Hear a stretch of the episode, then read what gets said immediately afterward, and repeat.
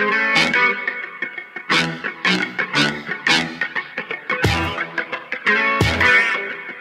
is, dit is het land van Wierde. Een podcast van de Telegraaf met analyses op het nieuws die u elders niet hoort. Met Wierde en Robert Ophorst. We gaan het uh, vandaag hebben over onder andere het Slavernijmuseum wat in Amsterdam moet komen. De, de jihadbruid Ilham B die we terug hebben gehaald uh, naar Nederland. We gaan, het, uh, we gaan het hebben over de gewopte mails die, die al dan niet aantonen dat, dat er een soort doofpotaffaire is om onderzoek naar de, de lab leak theorie te, te onderzoeken. De theorie dat COVID misschien wel in een, in een Chinees lab is ontstaan.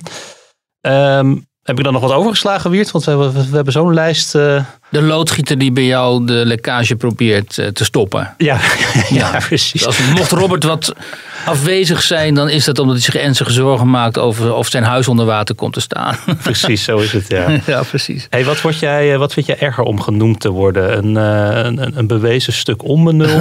oh. tuig, van de, tuig van de richel of onwetend? Um, ja, dat, dat, daar ben ik, die, over de hiërarchie daarvan ben ik nog aan het nadenken. Maar um, het echte tuig van de richel noemde Marcel van Roosmalen mij. Um, dus uh, ik denk dat dat uh, wel en, op en een, één mag en een staan. bewezen stuk onbenul. En een bewezen stuk onbenul. Maar ja, kijk, die aantijging, dit gaat over Marcel van Roosmalen, hè, de nationale nar. En die heeft een column bij NPO.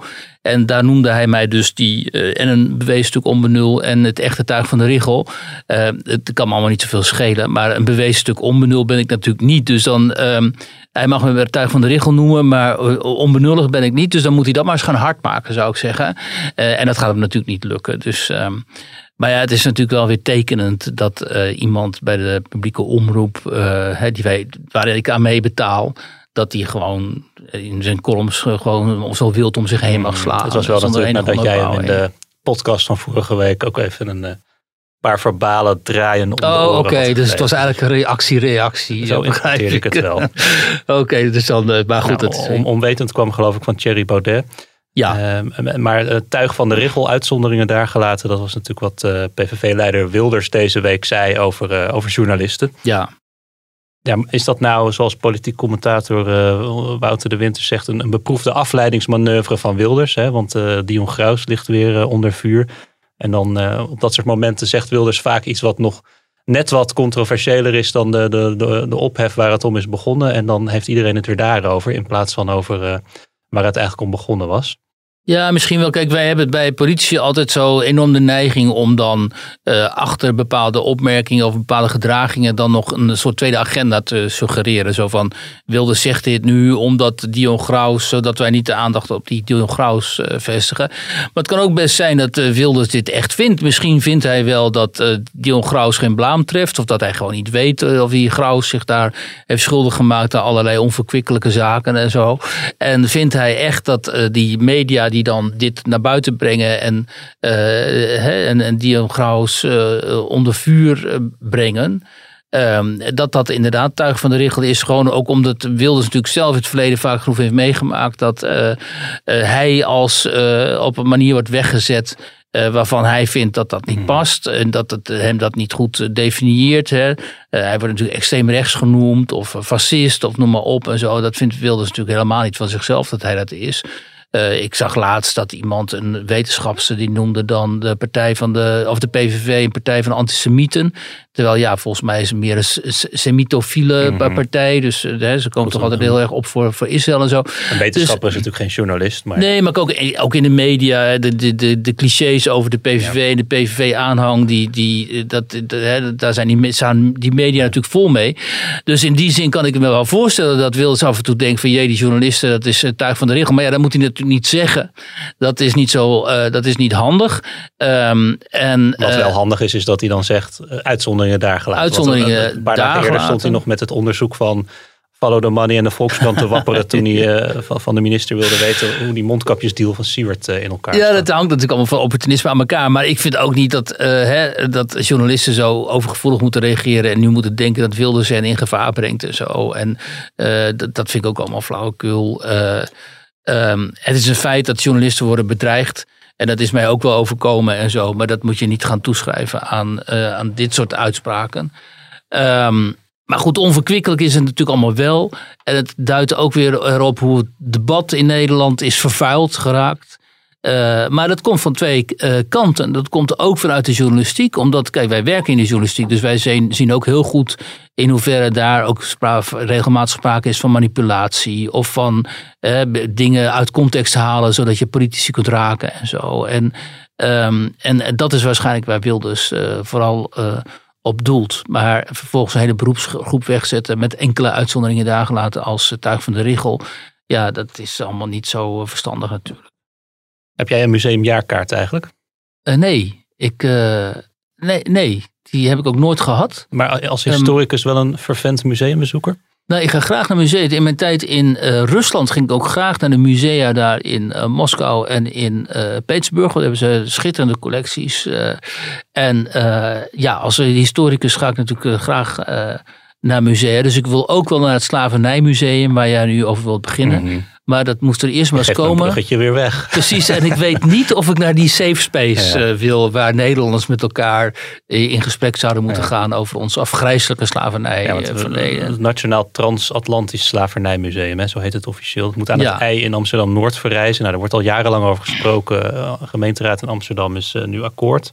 Drie ton heeft het gekost om uh, de zoektocht naar een geschiedenis. Alleen al de zoektocht heeft drie ton gekost. Dat is normaal in Nederland hoor, dat soort bedragen. Maar het is, uh, ja, oh, het is wel heel veel geld. Het, zijn, het is geen 9 miljoen inderdaad. 7000 vierkante meter museumoppervlakte moeten, moeten daar aandacht geven aan, de, aan het Nederlandse aandeel in de transatlantische slavenhandel. En het witte perspectief uh, tussen aanhalingstekens en de eurocentrische blik gaan volgens de rapporteurs overboord. Dus het moet vanuit ja. het zwarte perspectief uh, verteld worden. Dat was geloof ik ook een nadrukkelijke wens van uh, de gemeenteraad in Amsterdam.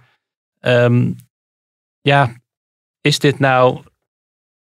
Dit, als je het dan hebt over van hè, de, de, de, de, volgens dat rapport ook alleen bedrijven die een substantieel aantal stage- en werkervaringsplekken verzorgen aan zwarte jongeren zouden, zouden aan de instelling mogen meebouwen.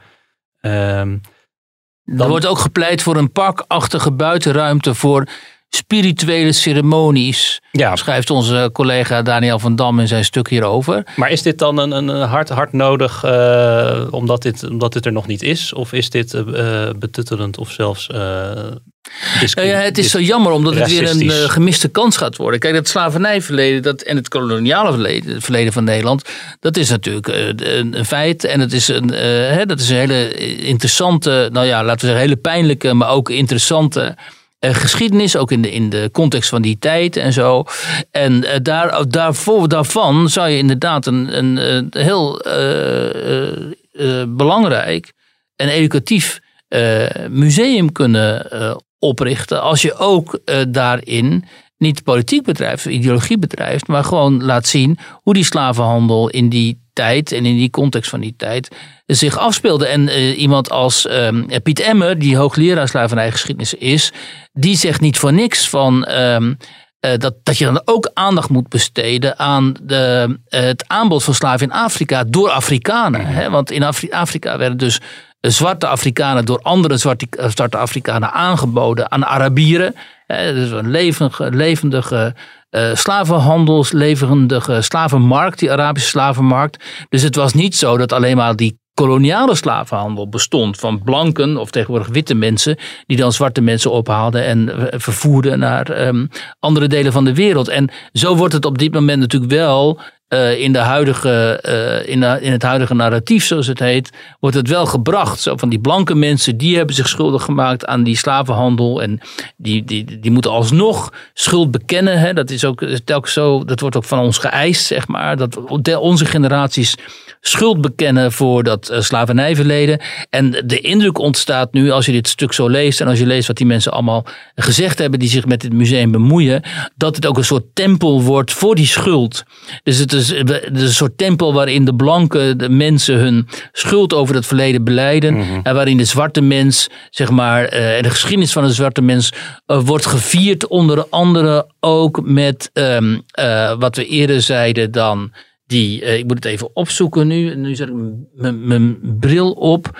Um, met een park, die, park, die de buitenruimte voor spirituele ceremonieën, maar ook een cursus kruiden en afro-natuurgeneeswijzers moet worden verzorgd. En er moet een safe space komen voor emotionele interacties tussen Nederlanders. En ja, weet je, dat is natuurlijk heel... heel Het is een soort, een soort nieuwspeak bijna. Hè? Bestaande machtsverhoudingen worden doorbroken door een nieuwe Ja. taal eh, helpen maken en nieuwe sociale omgangsvormen te bedenken. Ja, Ik, ik, ja, je kan je er van alles bij voorstellen, maar tegelijkertijd ook niks. Hey, maar jij zegt van eh, een, een apolitiek, een gepolitiseerd onderwerp. Maar is het, is het nog mogelijk om zo'n onderwerp als slavernij op dit moment apolitiek te behandelen? Ik bedoel, Emmer nou, het zou zegt wel natuurlijk van kunnen. zichzelf dat hij dat doet. Maar Dat- tegelijkertijd, Ja. ja, mensen als... Gloria Wekker. die, die, die vinden dat Ja. natuurlijk helemaal niet.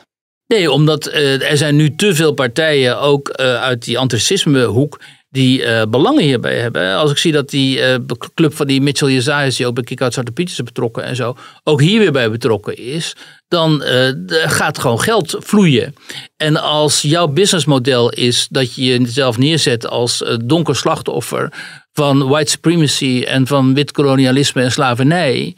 En dat je vindt dat die witte schuld moeten beleiden door onder andere herstelbetalingen te gaan betalen. Of te gaan betalen voor het oprichten van zo'n museum waar jij dan ook eh, aan deel kunt nemen. ehm, dan, eh, is het, dan is het zo gepolitiseerd om, om, om zeg maar budgettaire redenen vooral ook, omdat er geld mee te verdienen is, eh, dat je dat niet meer kunt gaan ontlopen. Daar is bijna geen ontkomen meer aan. Ook omdat eh, zeg maar, ehm, de, de, degenen die bepalen of zo'n museum er komt in de politiek en in het bestuur en zo. Ja, die zijn natuurlijk hypergevoelig voor dat aantijgingen van eventueel racisme en zo. Hè. Piet Emmer wordt al neergezet als racist bijvoorbeeld. Terwijl hij gewoon volgens mij, voor zover ik dat allemaal gelezen heb van hem. Gewoon een objectief historisch beeld van die slavernijgeschiedenis wil schetsen. Dus daar kom, ontkom je niet aan. Dat is een slangenkuil. En ehm, ehm, ik vrees dus dat we inderdaad opgezadeld gaan worden met een museum. wat vooral als een soort safe space gaat functioneren voor al die nazaten, zogenaamde nazaten van slaven. die tot in de zesde, zevende generatie, of hoe ver zijn we inmiddels. eh, kennelijk ehm, enorm last hebben van dat slavernijverleden. waar ik eigenlijk helemaal niet zoveel van geloof. Maar dat zeggen ze wel, zodat zij ook gezien worden. Kennelijk. Maar het zou mooi zijn als een keer vanuit zeg maar, de, de, de, de, de Afrikaans-Surinaams gemeenschap in Nederland hier protesten tegen zou komen tegen dit soort politiseren van dit soort verhalen. En dat zij ook zou zeggen, jongens, we zijn nu zoveel verder. Hè, en laten we nou eens gewoon een objectief beeld schetsen van die tijd en deze geschiedenis. En ons niet de hele tijd door allerlei emoties, waarvan nog maar de vraag is hoe oprecht die zijn, laten leiden. Maar ik vrees dat, dat, een, eh, dat te veel gevraagd is nog. Wie, wie, wie, Woken Week. when you get your degree, when they hang you your degree, bro, here's Tim. So they're going to call your name out and you're going to walk across the stage and it's going to be Timothy Heimer. And you're going to walk across the stage and you're going to shake a hand. Here, you take that. You're going to shake the hand and then you're going to get the degree. You're going to like, yeah. And your parents are going to cheer or whatever. And you're going to have this degree and you're going to think, oh yeah, I fully earned the degree. I got it. And I deserve this. And I deserve everything that comes to it. Yeah, well, you know what? What's your last name, bro? Davis. Davis? Mi- dude, Miles Davis? Oh. Same thing. Miles Davis. And Miles is going to walk across the stage and he's going to have the same thing. He's going to get the degree and shake a hand and go like, yeah, and his family's going to cheer. And everyone's going to be like, you're going to be at graduation and you're going to assume that these two guys are equal and they're fucking not equal. It's not, we are not there, my friends. We are not there. Ja, wat, wat horen we hier nou eigenlijk, Wiert? Ja, nou ja, we komen niet voor niks eh, nu eh, hier uit. Want hier zie je dus, eh, zeg maar, hoe, hoezeer het denken over schuld en het denken over racisme en discriminatie kan ontaarden in, in iets dergelijks als wat we nu hebben gehoord. Ja, het is dus het een, is een een collegezaal van de, van de Universiteit van Pennsylvania. ja, dat is een collegezaal waarin een of andere popiopie eh docent kennelijk, of misschien is het diversity officer, dat is niet allemaal duidelijk, maar hij wordt op het sociale media als eh, hoogleraar of professor hier wordt hij eh, geïntroduceerd, die dus ervan overtuigd is dat kennelijk de, je ziet, eh, op het filmpje zie je een volle collegezaal, dan zie je een zwarte jongen en een blanke jongen en die studeren beide, beide af. En deze, deze docent, die begint die, eigenlijk die blanke jongen te vernederen. Door te zeggen, kijk eens, jij krijgt zo meteen dat diploma. Uh, jij gaat het als vanzelfsprekend zien. Jij wordt toegejuicht door je familie en door de andere blanken. En voor jou is het volstrekte vanzelfsprekendheid dat jij zo meteen deze instelling ver, verlaat met het diploma. En hier is dan die zwarte jongen en die noemt hij dan bro, omdat hij een beetje populair mee wil doen. Dus dan gaat hij de straattaal, zwarte straattaal gebruiken. En dan heb je hier die zwarte jongen die Davis heet van achternaam. En dan komt maakt hij nog de grap. Oh kijk, Miles Davis, ben je misschien Miles Davis? Is ook allemaal verschrikkelijk. Hè? Dit is typisch voor, voorbeeld van betuttelracisme, zoals we dat noemen. En dan gaat hij duidelijk maken dat die zwarte jongen die vanzelfsprekendheid helemaal niet mist. Um, dat, dat het voor hem iets heel bijzonders is om uh, vanuit zo'n instelling met een, een zo'n instelling met een diploma te verlaten. En dan vervolgens zie je hem dat hij op, de, op hun schouders gaat hangen, die man. En tegen de zaal spreekt en zegt van jullie denken allemaal, hè, of jullie denken misschien wel dat uh, deze de two boys are equal, maar het is helemaal niet het geval. Um, dus deze man die vertegenwoordigt in alles wat er fout is aan dat denken tegenwoordig over racisme, die critical race theory die nu zo populair is in de Verenigde Staten en die ook naar Nederland komt en naar Europa. En in alles zie je hoe deze man eigenlijk zich opstelt als een white savior. Dat is dan de, de witte helper of de uh, helper whitey noemt dat ook wel. Maar de white savior is beter. Dus de, de, de, de blanke man die denkt van weet je wat, ik ga die arme onderdrukte zwarten uh, ga ik helpen Mhm. door hem aan te spreken met bro. En vervolgens door duidelijk te maken. Door, en vervolgens door een, voor een volle collegezaal. mijn rasgenoot. Want zo moet je tegenwoordig denken in ras. Dus die blanke jongen te vernederen in de hoop dat dan door die vernedering die zwarte jongen zich misschien wat beter zou gaan voelen. Wat natuurlijk helemaal niet het geval is als ik die zwarte jongen zou zijn, zou ik me verschrikkelijk voelen. En als ik sowieso donker zou zijn, zou ik denken van dit soort, dit soort eikels, we laten het zo maar eens noemen, die hebben wij in onze strijd voor eh, gelijkwaardigheid en tegen racisme en antidiscriminatie en zo, hebben dit soort lui in ieder geval niet nodig die ons gaan vertellen hoe wij ons moeten voelen en hoe wij ons kennelijk voelen. Terwijl uh, het niet betekent dat als jij een zwarte huid hebt of een donkere huid, dat jij per se zo zult, zult voelen als jouw. Uh, uh, ja, ik moet weer zeggen, uh, rasgenoot. Dus Maar- aan alles zie je dus hier de, de kwalijke aspecten van het rassendenken. Tegelijkertijd heb jij hier ook eh, wel eens uit een treuren benadrukt van, hè, dat in Amerika gewoon een hele lange geschiedenis heeft van rassenongelijkheid en eh, eh, apartheid, Ja. eh, slavernij natuurlijk. En dat dat ook anno 2021 een, een nog steeds een hele grote rol speelt in het, eh, in- Ja. op, al- op allerlei manieren. Dus als zo'n docent dan zegt van, eh, beste collegegangers, wees, wees je ervan bewust dat een diploma voor de een niet dus per se dezelfde kansen biedt als voor de ander. In dit geval Ja. voor, die, voor die zwarte jongen. Ja. Ja. Dat is toch ook, kan je er ook iets onschuldiger naar kijken misschien. Ja, maar het foute eh, hieraan is dus dat hij dit relateert aan, aan de huidskleur. Eh, en dat hij eh, die blanke jongen nodig heeft, de vernedering van die blanke jongen, Mhm. om eh, dit duidelijk te maken. Dan, en dat is in zichzelf ook weer gewoon racistisch. Natuurlijk kun je onderkennen dat de, de zwarten in de Verenigde Staten door die geschiedenis en door die, dat hele verleden van die slavernij en zo in een hele ingewikkelde positie zitten. Mede omdat dat bijvoorbeeld ook uiteindelijk ehm, eh, gevolgen heeft gehad voor de, de, de, zwarte familie, hè, de, de nucleus van die samenleving, die families, die gezinnen die uit elkaar vallen. Ehm, dat, heeft, dat is allemaal te traceren, psychologisch, het- zelfs tot, tot in het slavernijverleden, waarin ook families uit elkaar werden gerukt en gezinnen uit elkaar werden gerukt. En zo. Dat zijn allemaal valide analyses en valide punten. Alleen je moet dat niet op zo'n botte en, en, en harde en oppervlakkige manier voor zo'n volle collegezaal dit soort hele genuanceerde en, en ingewikkelde, eh, complexe ook eh, ehm, eh, eh, situaties.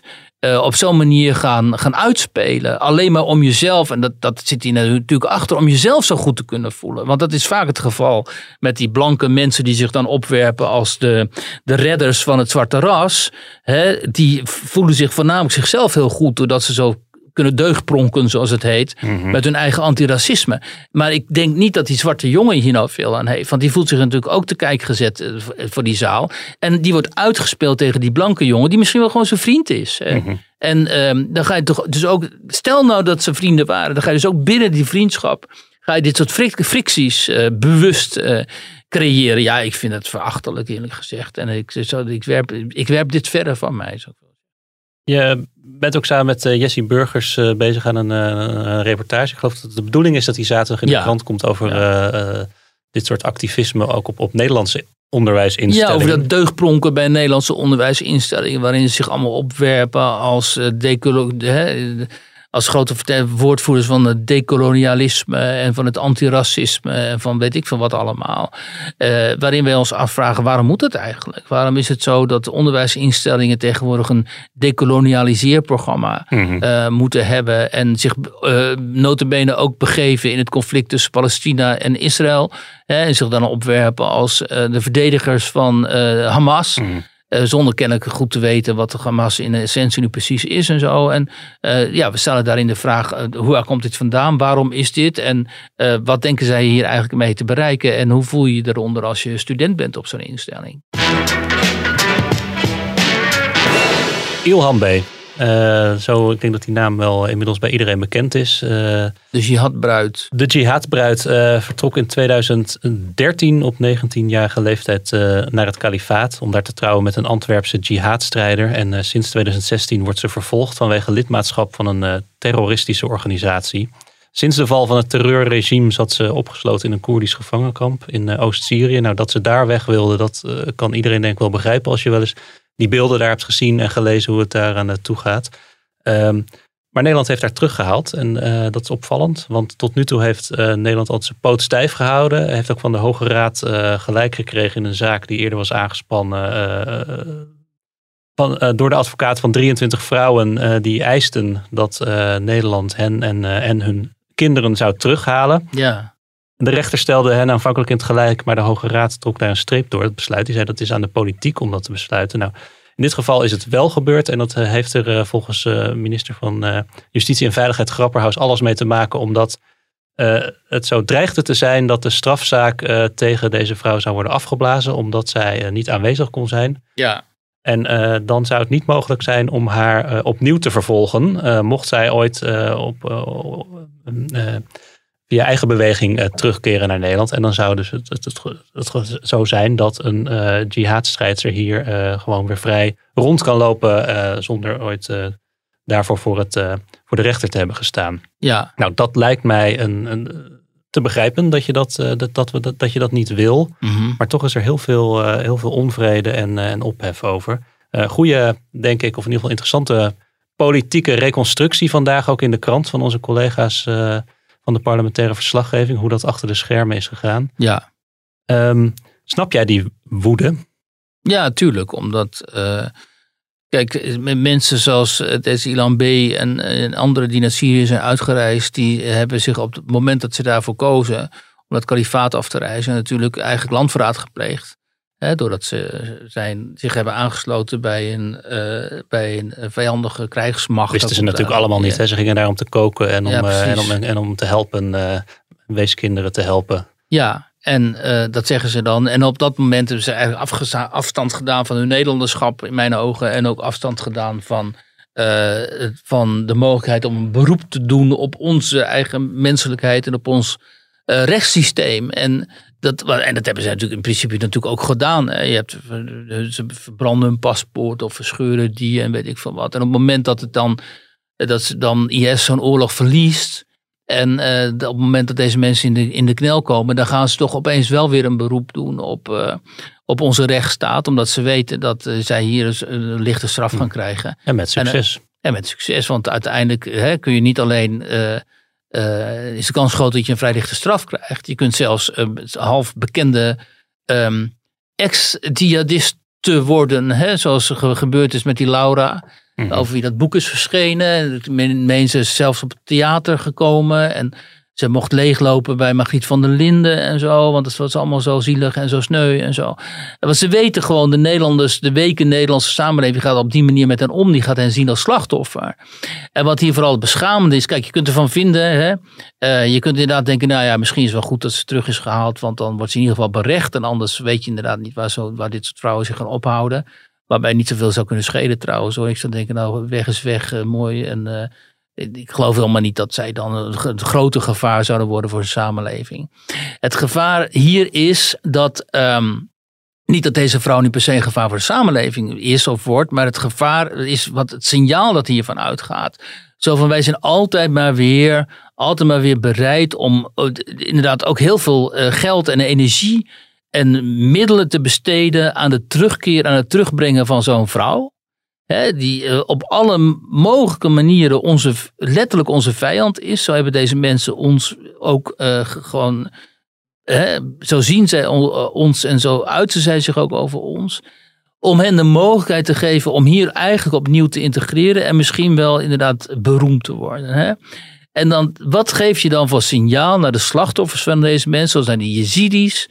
Die eh, zijn uitgemoord, waar gewoon genocide op is gepleegd. En waarvoor in de Nederlandse media ook en in de Nederlandse politiek veel minder belangstelling bestaat. En veel minder compassie is dan voor deze mensen. Dus wat is het nou voor een waardeloos moreel signaal wat je hier afgeeft? Eh, niet alleen aan die slachtoffers, dus bijvoorbeeld Jezidis, maar ook de christenen in het Midden-Oosten en zo. Maar ook aan de, dat grote deel van de Nederlandse samenleving. Dat eigenlijk van mening is van laat, laat die vrouw daar maar gewoon maar zitten. Zij, het is haar keuze geweest. En ook als het betekent dat haar kinderen dan niet terug, of kinderen in het algemeen niet kunnen terugkeren. Dan is het uiteindelijk een uitvoersel van de keuzes die deze mensen maken. Die ze toch vaak op redelijk volwassen leeftijd hebben eh, gemaakt. En dat vind ik eigenlijk eh, de kern. Eh, je kunt allerlei juridische trucjes eh, eh, beargumenteren. En ik las zelfs dat iemand van D66 schreef van... goed dat ze terugkeert, maakt Nederland veiliger. Nou, dat vind ik een soort Orwelliaanse nieuwspeak. Hè? Want ja, je kunt beargumenteren dat misschien Nederland dan veiliger zou zijn... van oh, oh, wie weet dat is, als deze vrouw zou zijn verdwenen ergens... dat ze dan vanuit een soort niemandsland daar in Irak of Syrië nog... een terreuraanslag in Nederland zou kunnen organiseren en zo. Wat natuurlijk flauwekul is, maar goed in, in de geest van iemand van D66 is dat misschien een mogelijkheid. Maar het is natuurlijk gewoon een, uiteindelijk, als je dat schrijft op Twitter, een affront aan al die mensen die ik net noemde. Die vinden dat dit soort eh, vrouwen, en vooral ook hun mannen, gewoon zo ver mogelijk uit Nederland eh, weg moeten blijven. Ehm, eh, en dat is de, het morele aspect hieraan. Wat dit, heel dit- dit- zwaarwegend ditzelfde is. ook vinden bij een man? Want misschien dat er, die, die vrouwen die, die doen altijd, die beweren dat ze van niks wisten. En die spelen dan de, de vermoorde onschuld. Hè, vaak, dat is toch een beetje de verdediging eh, Ja. in dat soort gevallen. Die, die mannen, daar hebben wij ook met z'n allen toch nog wel ook een ander beeld van. Eh, die, die, die zien de meeste mensen toch wel als, als gevaarlijker, denk ik. Ja, ik zou willen dat die mannen daar ter plekke zouden kunnen worden berecht. Ja, omdat ze maar als daar je nou weet dat- op hele zware straffen. Je weet dat dat niet, eh, niet, niet gebeurt. Ik geloof dat, dat de Koerden wel een hoop mensen berechten. Bijvoorbeeld haar man zit eh, zat of zit in een dodencel. Het is ook niet helemaal bekend wat, er, eh, wat de status nu Ja. eh, daarvan is. Maar zou je ook, je zegt van bij zo'n vrouw, ik geloof niet dat zij echt heel groot gevaar vormt hier als ze hier, als ze hier zou zijn ongestraft. Maar zou, zou je dat ook hebben bij, bij zo'n man? Eh, Nee, daarvan zou ik denken van die moeten levenslang worden opgesloten. Omdat gezien die gruwelen die ze daar gepleegd hebben. Of waar ze in ieder geval ook medeplichtig aan zijn. eh, verdienen zij gewoon levenslange opsluiting. En eh, als ze vrij zouden komen. Mhm. Ja, dan, dan, dan vormen zij, lijkt mij, een eh, groot gevaar voor de Nederlandse samenleving. Tenzij ze natuurlijk volledig gederadicaliseerd zijn. Zoals als iemand als Jason Walters die bij de Hofstadgroep zat en nu gewoon een totaal normale eh, intellectueel is die voor een denktank werkt en zo. En hele interessante dingen zegt over allerlei eh, ontwikkelingen in de westerse samenlevingen. Maar eh, daarvan heb je er natuurlijk niet veel. En Jason die heeft ook jarenlang nodig gehad om, de- op- hè, om, om zijn standpunten aan te passen en Mhm. om een hele andere mens te worden uiteindelijk. Ja. Ehm, eh, maar dan moet je ook intellectuele capaciteiten daartoe hebben. En dicht ik deze mensen ook niet bepaald Nee. toe, eerlijk gezegd. Nou ja, er zitten volgens de cijfers van AIVD op dit moment nog 110 eh, volwassen Nederlandse jihadisten in Syrië, van wie eh, een derde vrouw en ook nog een, een aantal in, eh, in, in, in eh, Irak, geloof ik, Ja. en in Koerdische kampen. Dus het Ja. gaat nogal om een hoop mensen. Ja, en hiermee schep je dus een precedent. Ook al wordt beweerd dat dat niet zo is. Maar eh, hè, dat, dat, dat schep je natuurlijk wel. Die Grapperhaus beweert dat dat niet zo is, dat Ja. het echt een uniek geval was. Tot ja, maar ja, is veel vaker wat beweerd. En vanuit de politiek wordt natuurlijk veel vaker wat beweerd. Maar al die advocaten die zitten er natuurlijk bovenop. Ja. Die grijpen hun kansen. Die vinden het fantastisch. Die gaan zeggen, kijk, de president geschapen hier. Eh, nu gaan we voor de rest. En de- dus dat het is allemaal heel erg eh, onmenselijk. Ehm, maar ja, het is ook weer, wel weer heel erg, zeg maar, kenmerkend voor eh, de, de situatie hier in, in Nederland. Hè. Het is ook wel kenmerkend voor onze eh, omgang met dit, Mhm. soort, eh, met dit soort mensen. We kunnen nooit goed begrijpen dat mensen inderdaad eh, slecht zijn hè, en bereid zijn tot allerlei gruwelen en zo.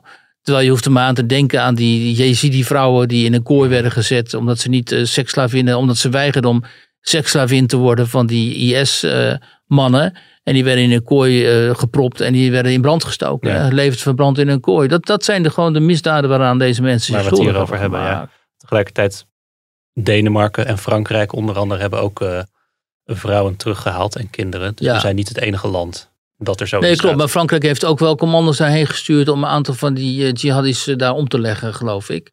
Dus ze hebben daar een beetje een dubbel, uh, dubbel beleid uh, wat dit aangaat. En ja, weet je, het is allemaal een beetje oog om oog, tand om tand. En een beetje inspelen op wraakgevoelens. Maar ik denk dat een groot deel van de Nederlandse samenleving uh, wel, ehm, zeg maar, het eens zou zijn geweest als wij special forces ter plekke hadden gehad. Die bijvoorbeeld die mannen hadden opgejaagd. En, uh, en, dat je, en dat je dan toch die vrouwen wel terugbrengt of zo. Dat je in ieder geval dat onderscheid maakt. Uh, maar dat is natuurlijk niet, uh, niet, voor zover ik weet althans, is dat niet het, uh, het geval. Wij tonen vooral onze humane kant en minder de, de, de mar martiale kant, zoals dat dan heet. Hoeveel van die uh, 3000 uh, gewopte Fauci-mails heb jij al gelezen? Nou, een, een, paar. Um, uh, ik vond het wel echt een, een, een, een, bom, moet ik zeggen. Ja. Toen duidelijk werd dat. vooral de manier waarop hè, Tony Fauci is dan zeg maar ja van zo van de Verenigde Staten en die heeft altijd beweerd van dat dat virus dat komt niet uit dat laboratorium daar in Wuhan. Dat is gewoon van beest op mensen overgedragen waarschijnlijk. En nu blijkt uit die gelekte mails dan, of die gewopte mails en uit die conversaties, dat er eigenlijk uh, wel degelijk aanleiding is om te vermoeden dat dat virus wel degelijk uit het er, laboratorium ja, Er is in ieder geval, er zijn meer aanknopingspunten dan tot, tot voor kort werd beweerd, om dat, om dat toch serieus te nemen en dat ook serieus te onderzoeken. En dat laatste blijkt ook eigenlijk uit die mails, is helemaal niet gebeurd. Het is al een heel vroeg stadium, is dat wegge zet als zijnde een, een, een, een, racistische complottheorie waar verder niet te veel aandacht aan besteed moest worden om, om geen, ook geen paniek te zaaien. Nou ja, en vooral het, het, het, het belangrijke hier en ook schrijnende is dat die, die laboratoriumoptie en uh, dat die um, verdacht werd gemaakt omdat Donald Trump eraan had gerefereerd. En omdat Trump het zei, werd uh, uh, gezegd: oké, okay, dat gaan we ja. dus niet onderzoeken. En het is ook, bo bovendien heeft dat Trump het zegt en dat hij het de China-virus noemt, het COVID-virus of coronavirus, maakt het racistisch. Mhm. Mm -hmm. Dus vanuit politiek correcte overwegingen en om, om China niet tegen de haren in te strijken, is besloten om deze optie maar terzijde te schuiven. Um, en en, uh, nou ja, en dat, dat, dat is dus vooral het bedenkelijke, omdat je dan vanuit het absoluut niet legitieme argumenten redeneert. Uh, bij zoiets belangrijks. Want als dat virus inderdaad in het lab is ontstaan en, en door de, vanuit het laboratorium is ontsnapt, zeg maar. Ja, dan heb je natuurlijk met een hele andere situatie te maken. Ja. Omdat dan de Chinese staat uh, gewoon aansprakelijk is voor een van de grootste catastrofes van de, van de afgelopen jaren. En bovendien zijn de Amerikanen betrokken ook bij dat laboratorium, hè, met funding en dat soort zaken en zo. En dat maakt het nog uh, ingewikkelder en gecompliceerder. En in Nederland hebben we ermee te maken doordat Marion Koopmans, de virologe, die is uh, op een missie geweest daar om te onderzoeken wat hier nou van waar zou kunnen zijn. Ja, als, en, als onderdeel van de, de WHO is hij daar geweest. Precies. En uh, die concludeerde van nou, uh, er is eigenlijk niks aan de hand. Hè.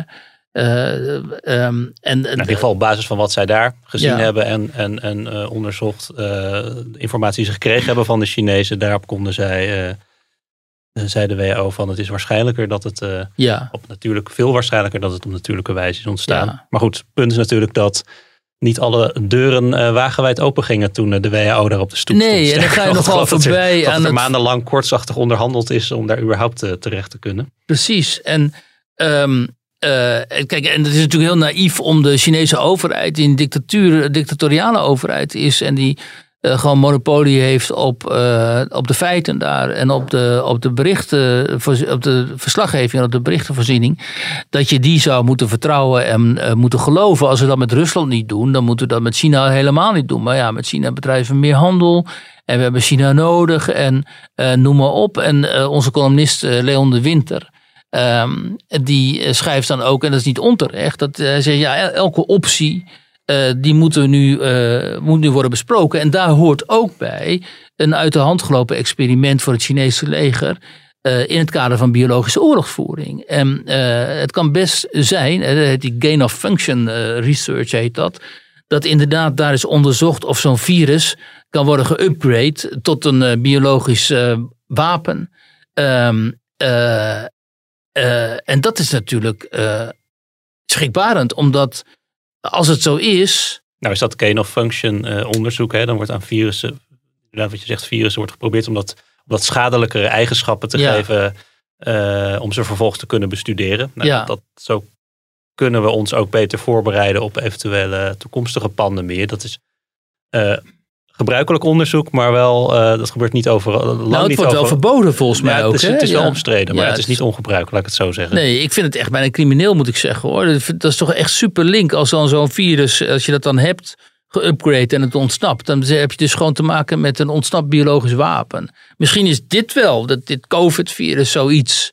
En dan heeft dat dus zoveel gevolgen hmm. voor de wereldbevolking en zoveel mensen die dan dood zijn gegaan.